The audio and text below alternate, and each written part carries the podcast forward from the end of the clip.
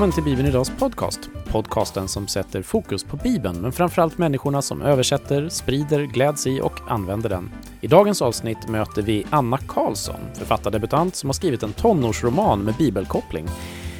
Boken heter Inte som du tror och jag som leder podden heter Olof Brandt. Välkommen!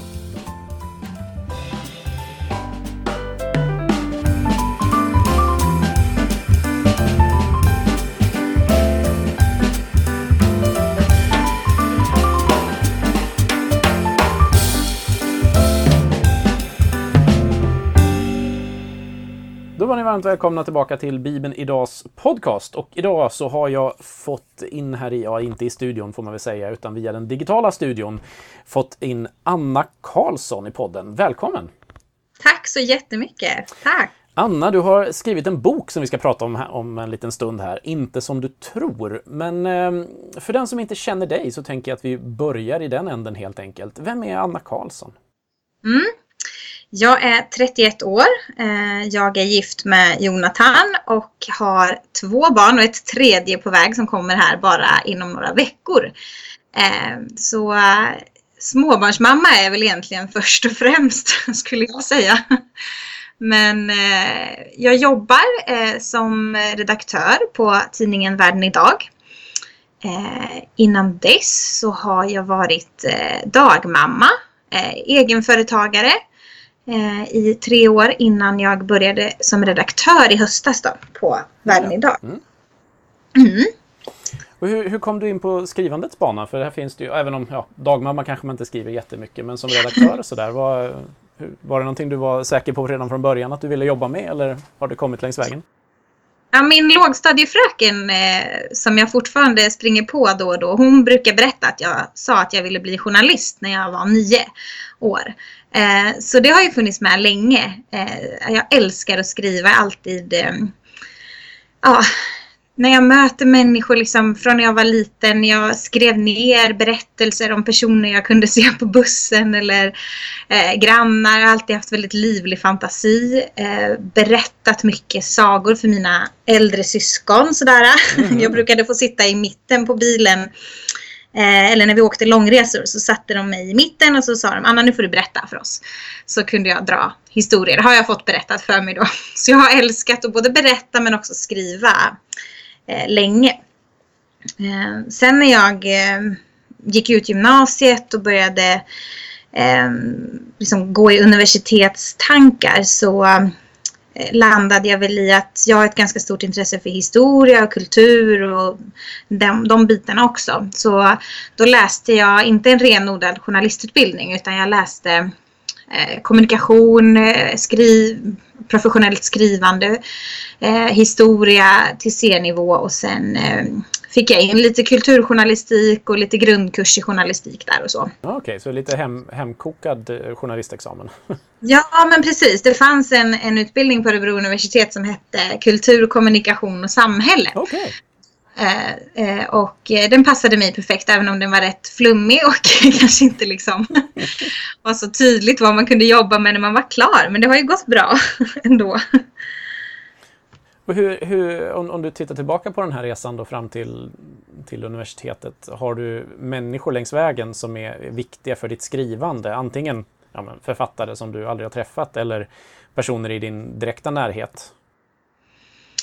Ja, men eh, jag skulle säga att eh, framförallt så har det väl varit personer som har gett mig chansen att få träna, att få öva.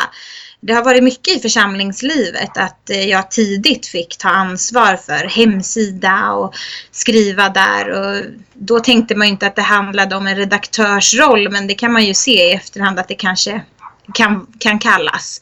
Att liksom, tänka till på innehåll och skriva själv men också planera och leja ut det till andra skribenter. Ehm, så i församlingslivet har jag fått träna väldigt mycket på det men också skriva material till draman och, och eh, julkonserter och sådana här saker som ehm, så jag tror att det har varit jättebetydelsefullt att i min församling fått möjlighet att prova att träna. Eh, sen var det en kontakt med Lukas Berggren på Världen idag för fyra, fem år sedan. Där han eh, via då att vi eh, möttes genom församlingssamarbete kan man väl säga där, där tidningen var på besök i vår församling. Som vi möttes och eh, började liksom samtala om att få frilansa, att få, få finnas där. Så det har varit banan som började eh, med att komma in på, på tidningen då också. Eh, och sen har jag frilansat under de här åren och sen fick jag möjlighet att jobba mer regelbundet då från i höstas. Så um, sen är det klart man är inspirerad av författare och sådär men jag, jag tror att just för mitt eget personliga utveckling så har det varit människor som har trott på en och låtit en få testa vingarna helt enkelt. Ja, just det. Och eh, hur kommer det sig att eh, då en journalist eh, och redaktör väljer att skriva en roman? Ja, den drömmen har ju funnits, liksom, om man säger lite parallellt vid sidan om då. Um, kanske också varit väldigt långt borta för man tänker att jag vet inte om det här kommer gå. Men uh, där var det faktiskt i ett samtal med uh, Sven Nilsson som är uh, pastor i vår församling och grundade Kristi Center Örebro då, för, för många år sedan. där jag intervjuade honom om hans bok när han kom ut med boken evangeliet om riket för några år sedan. Och då började vi samtala om det här med att skriva och han uppmuntrade mig för jag nämnde väl att det fanns en dröm någonstans att skriva en roman också, inte bara skriva tidning. Eh, och sen har han, han har betytt mycket i att uppmuntra mig och tro att det faktiskt går. Eh, och varit ett jätteviktigt bollplank också under den här vägen. Vilket är kul eftersom det är en tonårsroman och, och Sven fyller ju 90 här i, i höst. så, eh, men eh, så han betytt mycket för, för den processen att faktiskt börja tro att, att det går att prova. Eh, och eh, eh Sen givetvis kopplingen med Sjöbergs förlag när, när materialet började bli klart. Eh, att de också var ett jätteviktigt stöd i att eh, våga tro på den här idén. Är det en, en roman eller en romanfigur som du har burit med dig under, under många år eller är det någonting som plötsligt bara kom upp en dag när du satte ner och bestämde dig för att skriva? Ja, men jag jobbade som högstadielärare en period innan jag fick mitt första barn. Och då väcktes det eh, just själva idén om handlingen i boken eh, där. Att eh, det finns ju så mycket som händer i en klass och i liksom ett tonårsliv som sker bakom, bakom kulisserna. Det är inte så man tror då. Det är där titeln kommer ifrån också. Att, eh, och där började det väl formas i mig att få följa en tonårstjej som är mitt i den här eh, tiden av förändring. Man går från att vara barn, kanske mellanstadiebarn till att helt plötsligt bli tonåring. Och, och eh, vad händer i en då? Och beskriva det här inre livet.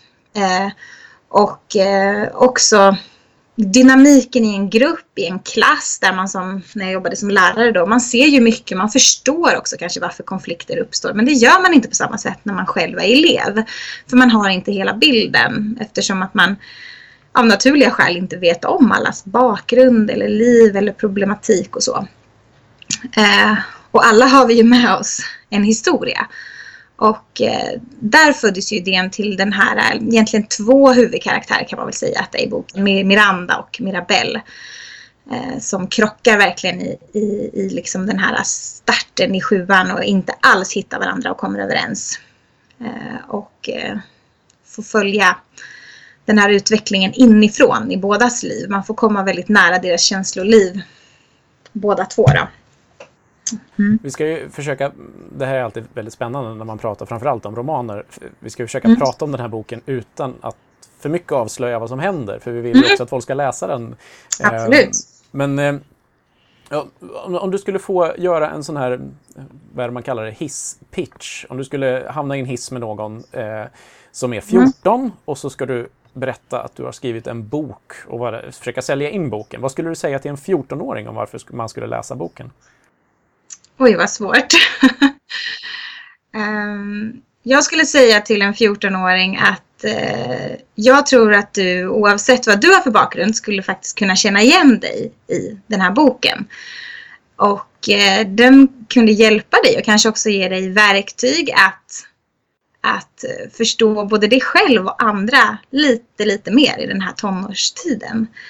Ehm, och jag hoppas också att den här boken skulle öppna ögonen för att Bibeln och bönen är ovärderliga redskap för att orientera sig i sitt inre liv i den här åldern. Och du är inte för ung för att få en personlig relation med Bibeln och med Jesus. Mm. Ja, nu var du på femte våningen och kan kliva av.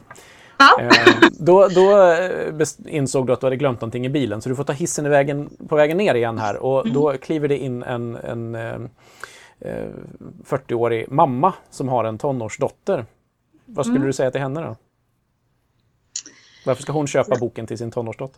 Ja, eh, jag har ju fått respons från andra tonårsföräldrar så att med det i ryggen, för annars så är det ju att ta sig kanske lite stora ord i munnen, men med, ryggen, med det i ryggen att jag har fått respons från andra tonårsföräldrar att det här har hjälpt dem att kunna förstå hur tonåringar tänker, hur deras vardag ser ut och eh, kanske hur man kan närma sig dem i känsliga lägen.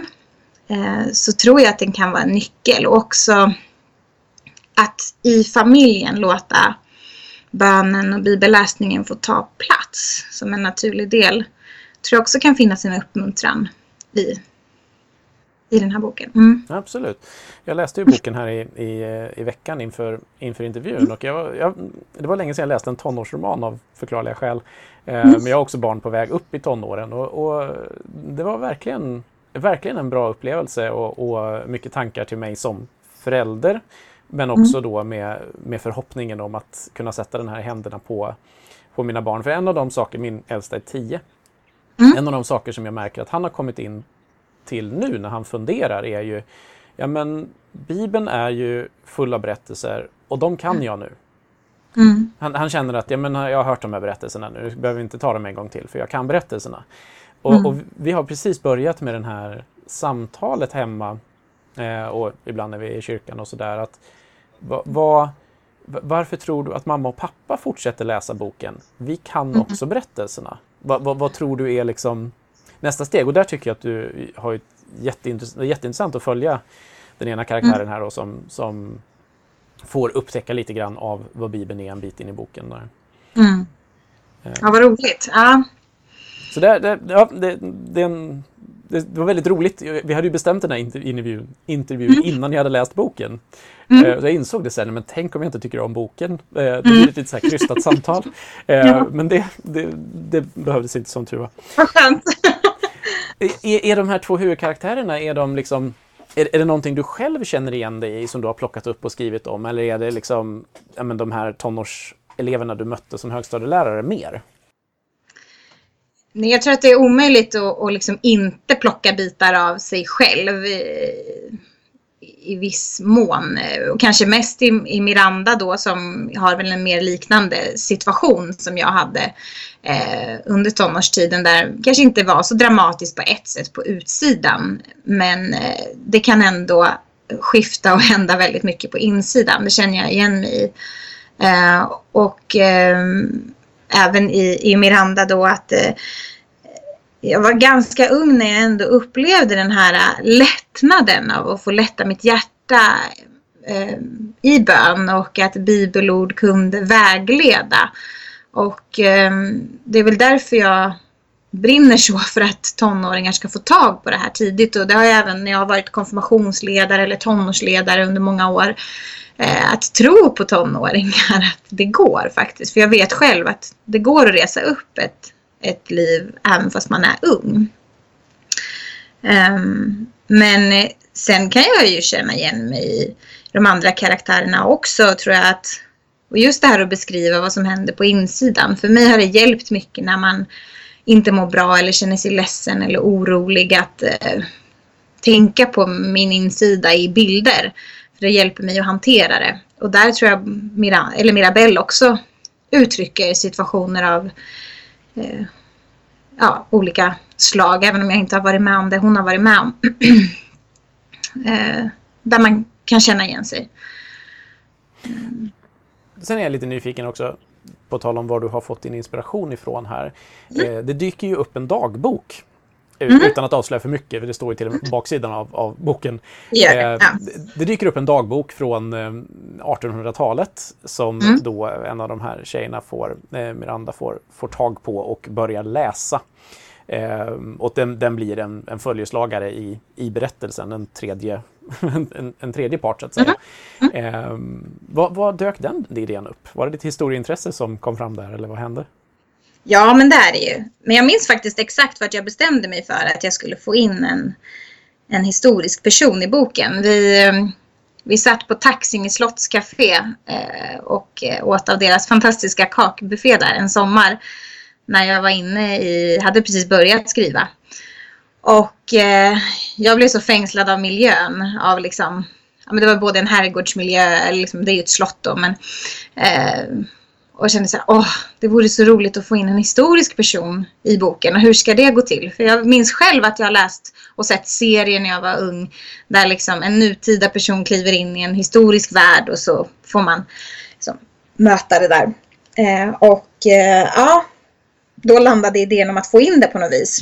Och sen eh, växte det fram då. Eh, just med dagboken och så. Sen tar det kanske inte så stor plats som jag tänkte då. Men eh, jag tror det blev en bra balans i det eh, eh, ändå. Men eh, ja, det var i alla fall då idén kom. Eh, och sen är det ju, det, det bottnar ju absolut i mitt, i mitt historieintresse och att jag tror att vi har så mycket att lära av historien men också att det finns faktiskt människor som har gått före och upplevt det vi har upplevt tidigare i andra generationer och årtionden och århundraden. Och och just de här parallella väckelserörelserna som egentligen alltid har funnits eh, parallellt med eh, stora historiska kyrkornas framväxt så har det ju också funnits väckelserörelser hela tiden. Eh, och jag tycker det är fascinerande att tänka att, att eh, ja, det, det, liksom, det fortsätter att löpa på, det tar inte slut. Är, ja. är hon helt och hållet påhittad, din historiska karaktär? Eller har du, är det till och med så att du har plockat upp någonting från? Amelia, Amelia, som hon heter, hon är påhittad. Okay. Men eh, situationen är tagen ur research. Då. Jag läste um, en avhandling om just läsarrörelsen mm. eh, inför eh, skrivandet av boken här. Och där eh, kanske inte i sin tidsaspekt, men, men just det här att det kom en, en, en, en ung komminister då, eller pastor, mm. om vi ska kalla honom det, präst, till en by. Och eh, att helt plötsligt kyrkorna fylldes för att de fängslades så av det budskap som han eh, kunde förmedla. Eh, det är eh, taget ur, ur verkligheten om man säger. Mm. Eh, ur forskning då, som, om hur läsarrörelsen uppstod egentligen. Sen har jag plockat det eh, med namn och sånt och gjort, gjort om det. det. Tänker du att den här boken främst är för Eh, kristna tonåringar som har vuxit upp i kyrkan? Eller hur, hur ser du den här boken som möjlig att läsa för någon som kommer helt utifrån? Jag tror absolut att den är möjlig att läsa. Eh, jag har försökt att inte jobba med för mycket alltså inom kyrkliga ord och uttryck och så som ska stöta bort eh, personer som inte är uppvuxna i, i kyrkan. Ehm, sen så är det ju klart att det är ett tydligt budskap att eh, Bibeln på något vis är grunden för mina val. Ehm, och eh, ja, där kan man ju såklart kanske eh, att människor inte alltid känner igen sig i att de vill välja så eller tänka så. Men jag tror situationerna är så pass allmängiltiga att de bibelord som och sammanhang som Miranda finner liksom vägledning i kan gälla vem som helst egentligen. Ehm, så jag ger den och, och eh, liksom vidare till, till vänner som inte som uttalat har en tro, men de känner ju mig, de vet ju vad jag tror. Ehm, men de vill också ha den till sina, till sina barn och döttrar och liksom söner och eh, ja, det känns väldigt roligt. Ehm, jag hoppas att det ska kunna vara ett verktyg för att evangelisera också på ett sätt. Eh, kanske om man står och väger mellan, liksom, man vet inte vart man landar i sin tro eller man kan vara ett sånt här bönebarn. vet flera som har köpt till sina barnbarn och sådär. Ja, just. Mm. Jag har några här citat, eller hur man ska kalla det. Jo, men det är ju citat direkt ur boken som mm. jag eh, reagerade på när jag läste dem. Mm. Eh, det första det är när eh, Miranda och eh, Bella då som hon också kallas Mirabelle mm. eh, de är på samma plats och eh, Bella hittar en bibel. Och så frågar hon eh, Miranda då, vadå? Så du är jättekristen? Sån där som läser Bibeln varje kväll? Mm. eh, och jag kände igen mig så, det var, blev en sån här... Jag, själv så, vad ska jag säga, blev jag jättekristen när jag gick i trean på gymnasiet. Eh, ja. Det var först då som jag liksom, ja, kom in i kyrkan eh, mm. heltid, även om jag hade haft kontakt med kyrkan innan. Eh, men just den där kommentaren, är den hämtad ur, ur, ur ditt riktiga liv eller ur, ur, sammanhang där du, där du har varit? För, för, för precis så fick jag nämligen frågan ja. vid ett antal tillfällen, när man inte riktigt kunde sätta ord på det i den svenska kulturen. För kristen kallar ändå många sig som bara bor i Sverige. Och så försöker man hitta ett ord för det och då blir det typ jättekristen. Ja. Det är jätteintressant att du tar upp det, för jag har inte reflekterat över det överhuvudtaget Nej, innan du frågar. Men jag ser ju precis den situationen framför mig när jag fick den frågan. Och det var i ettan på gymnasiet. Jag hade gått på kristen skola hela livet. Eh, och eh, ettan på gymnasiet så började jag eh, på ett kommunalt gymnasium i stan. Jag tror att det var första skoldagen eh, som den här frågan kom från en kille i klassen. Eh, bara, aha, när de fattade liksom, ja men ni är kristna, ja men det var ju många som var. Men, aha, du är sådär jättekristen. Eh, och eh, vad det kom ur var väl förmodligen att man beskrev sitt liv med ungdomsmöten i kyrkan och söndagsgudstjänster och ja, det här självklara, men att det tog rätt stor plats i ens liv. Och eh, ja, så den frågan är absolut hämtad från mitt liv, mm. även om jag inte har reflekterat över det. Ja, vad roligt. Den andra varianten var, så, så du är religiös då? Ja, var liksom precis. också varianten på att sätta ord på det. Ja. Mm. Sen blev jag lite nyfiken på mamman, eh, Mirandas mm. mamma. Eh, mm. För, för, Mirandas mamma och pappa, ska vi väl säga, har ju en, en, ganska så... De försöker verkligen kommunicera med sina barn och de försöker ge, ge, vara goda tonårsföräldrar. Jag tror att de är goda förebilder för många tonårsföräldrar som vill, eh, vill lyssna. Och, och, och, där blir jag också nyfiken. Är det liksom...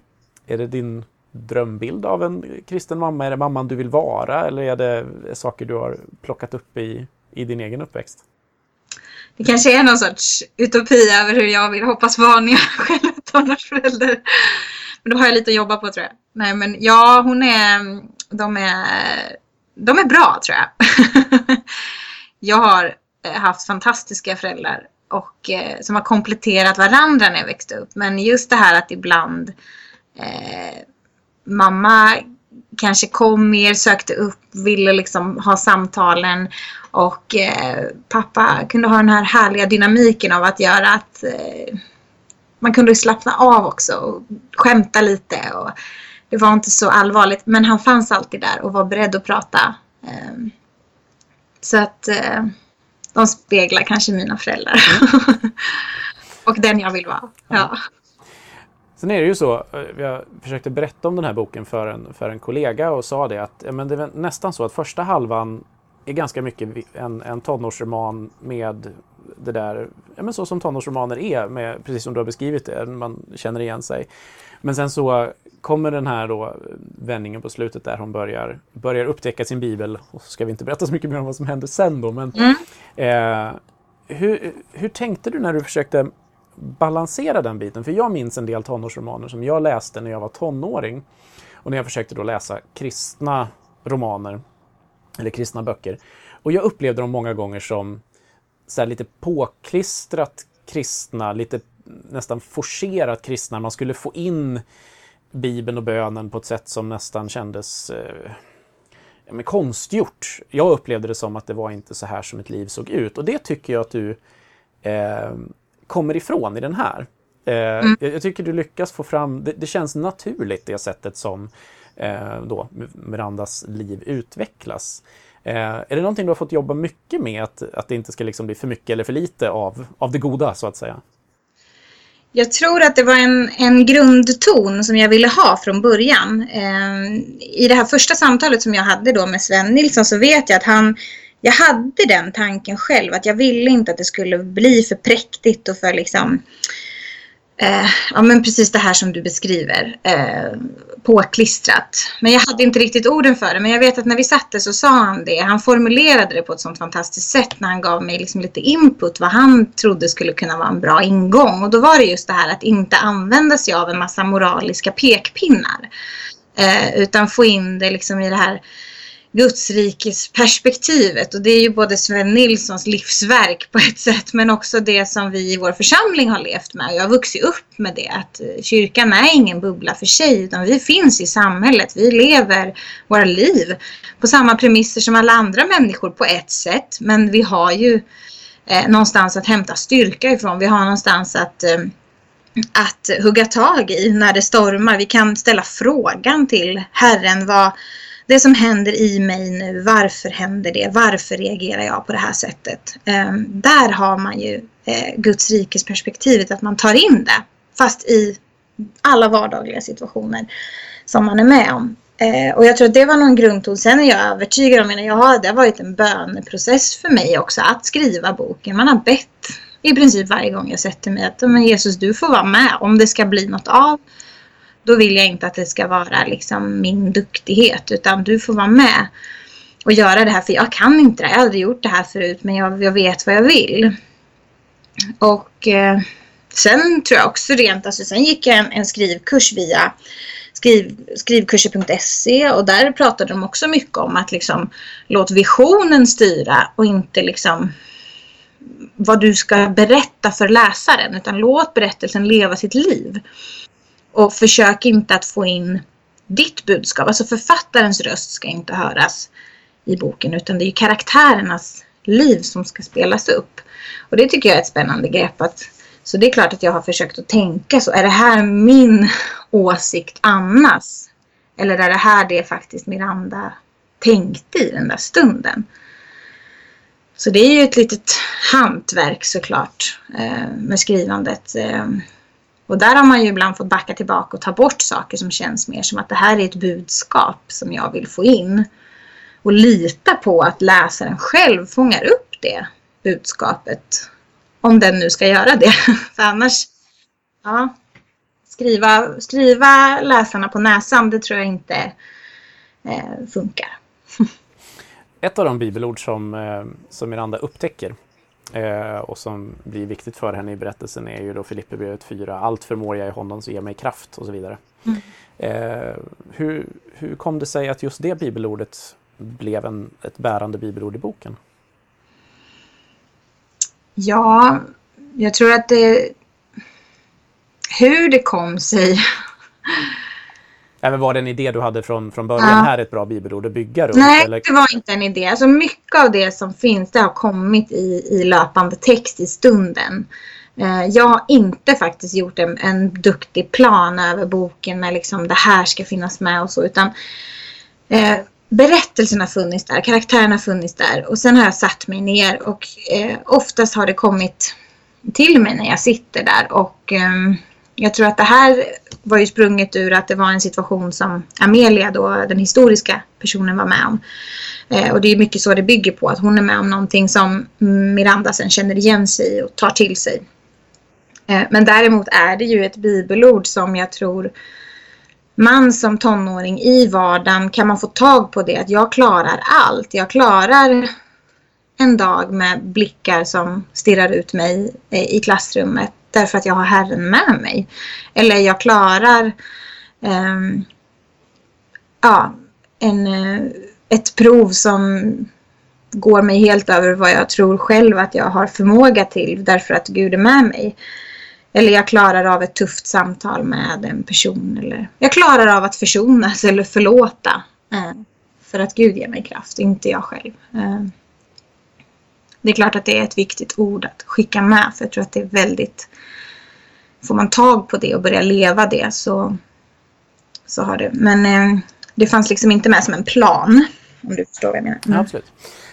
Hur, hur lång var processen ungefär? Från eh, första tangenttrycket till eh, nu skickar jag det här till, till tryckeriet? Mm. Det var ungefär en tre år lång process. Jag började skriva en sommar i vår sommarstuga. Eh, första sidan kommer jag ihåg.